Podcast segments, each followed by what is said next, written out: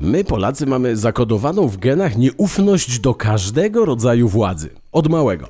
Naskarżysz rodzicom na siostrę? Jesteś kabel. Powiesz nauczycielowi, że kolega zabrał ci piornik? Od razu zostaniesz okrzyknięty konfidentem. Od małego uczą nas załatwiać sprawy samemu. Jak to jest, e, że tacy Amerykanie potrafią na siebie nawzajem kablować w pracy, a potem pójść razem na piwo? No u nas by to w ogóle nie przeszło. Słyszałem kiedyś opinię, że to przez najpierw zabory, potem niemiecką okupację, a potem przez x lat PRL-u, który wpoił nam, że władza to wróg. Władza to coś, co wtrąca się w nasze Polaków sprawy i każdy przejaw tego, że władza w ogóle istnieje, jest atakiem na naszą wolność.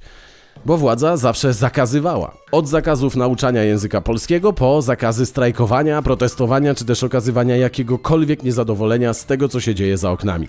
Władza nie mogła wiedzieć, co robimy, bo by tego zabroniła, albo już to było zabronione, więc wiązałoby się to z sankcjami. Więc załatwialiśmy sprawy we własnym gronie. Coś jak sycylijska omerta. Zmowa milczenia w patologicznych kręgach wręcz kultywowana. Wśród uczesanych na łyso osiedlowych drecholi tak zwane sprzedanie kolegów albo inaczej zrobienie szpagatu na psach oznacza dożywotni ostracyzm społeczny. To znaczy, jak się wyda, bo większość z nich to takie kozaki tylko przy kolegach, a zamknięci sami na komisariacie z widmem od siatki w większości wymiękają i od razu opowiadają, który kolega sprzedał im tę śmiertelną dawkę narkotyków, czyli ćwierć grama trawy, zwanej także 30 działkami dealerskimi.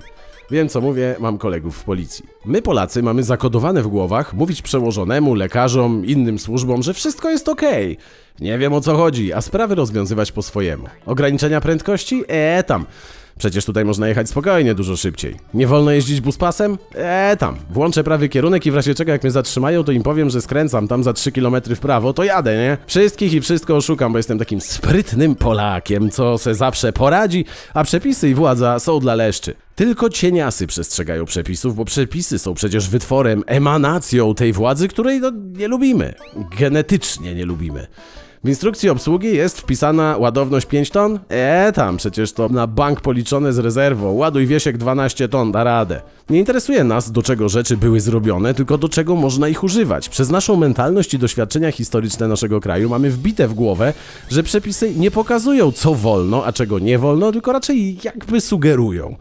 Robimy rzeczy na zdrowy rozum, no bo przecież te debile, które ustalają władzę, nie mają pojęcia co robią.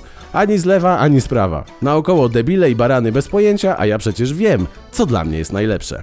A wszystko to przez lata oszukiwania nas jako narodu, przez każdą władzę i każdy komunikat wydalany przez rząd albo kogokolwiek reprezentującego organa władzy. Na kłamstwie zbudowano relacje Polaka z prawem, to ma to prawo gdzieś.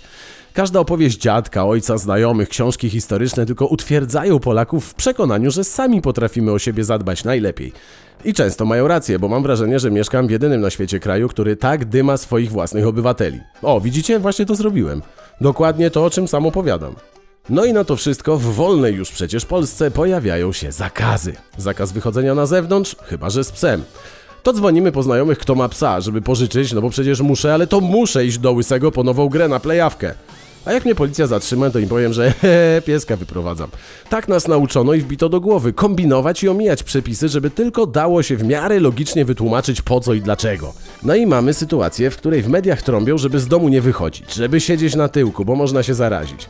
Że na całym świecie epidemia, ale że sklepy będą czynne i żeby nie wpadać w panikę i nie robić zakupów na zapas.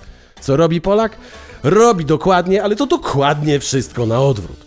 Najpierw do sklepu po zapasy ryżu i strajtaśmy, bo skoro w telewizji mówią, że nie zabraknie, to pewnie uspokajają, bo już zabrakło. Albo zaraz zamkną sklepy. Epidemia i nie wychodzić z domu? Eee, tam co oni wiedzą. Mnie to nie dotyczy, przecież muszę wyjść z tym bachorem na spacer, bo mi nie da żyć. No do parku sobie pójdę, a gdzie? Na bank nikt inny nie wpadł na ten pomysł. Pusto będzie Helena, ubieraj się a w parku następne 2000 takich samych mądrych, no bo taką mamy mentalność. Każde ograniczenie, nawet w tak wyjątkowej sytuacji, traktujemy jako odebranie nam tej wolności, o którą nasi ojcowie i dziadkowie walczyli pod Monte Cassino w Powstaniu Warszawskim czy w Stoczni Gdańskiej. Nie będzie mi jakiś cieć zambony w Sejmie mówił co i jak mam robić. Szwagier całe życie w lutym do Sławojki latał w samej koszuli, nigdy nic nie złapał, a oni mi to o jakimś wirusie. Foliowe rękawiczki przy kupowaniu chleba w sklepie Przecież ja zdrowy jestem, ręce myłem rano. I tak to Polak sam sobie wybiera przepisy, których będzie przestrzegał, sam sobie decyduje, co jest bezpieczne, a co nie, od czego można się zarazić, a od czego nie. A w internecie więcej takich samych Januszy utwierdza siebie nawzajem w przekonaniu, że mają rację, a ci, co u władzy, ja nie wiedzą, co robią. No bo może i nie wiedzą. Pytanie tylko, czy my sami wiemy lepiej. A ja? Ja remont robię. W końcu wolne, nie?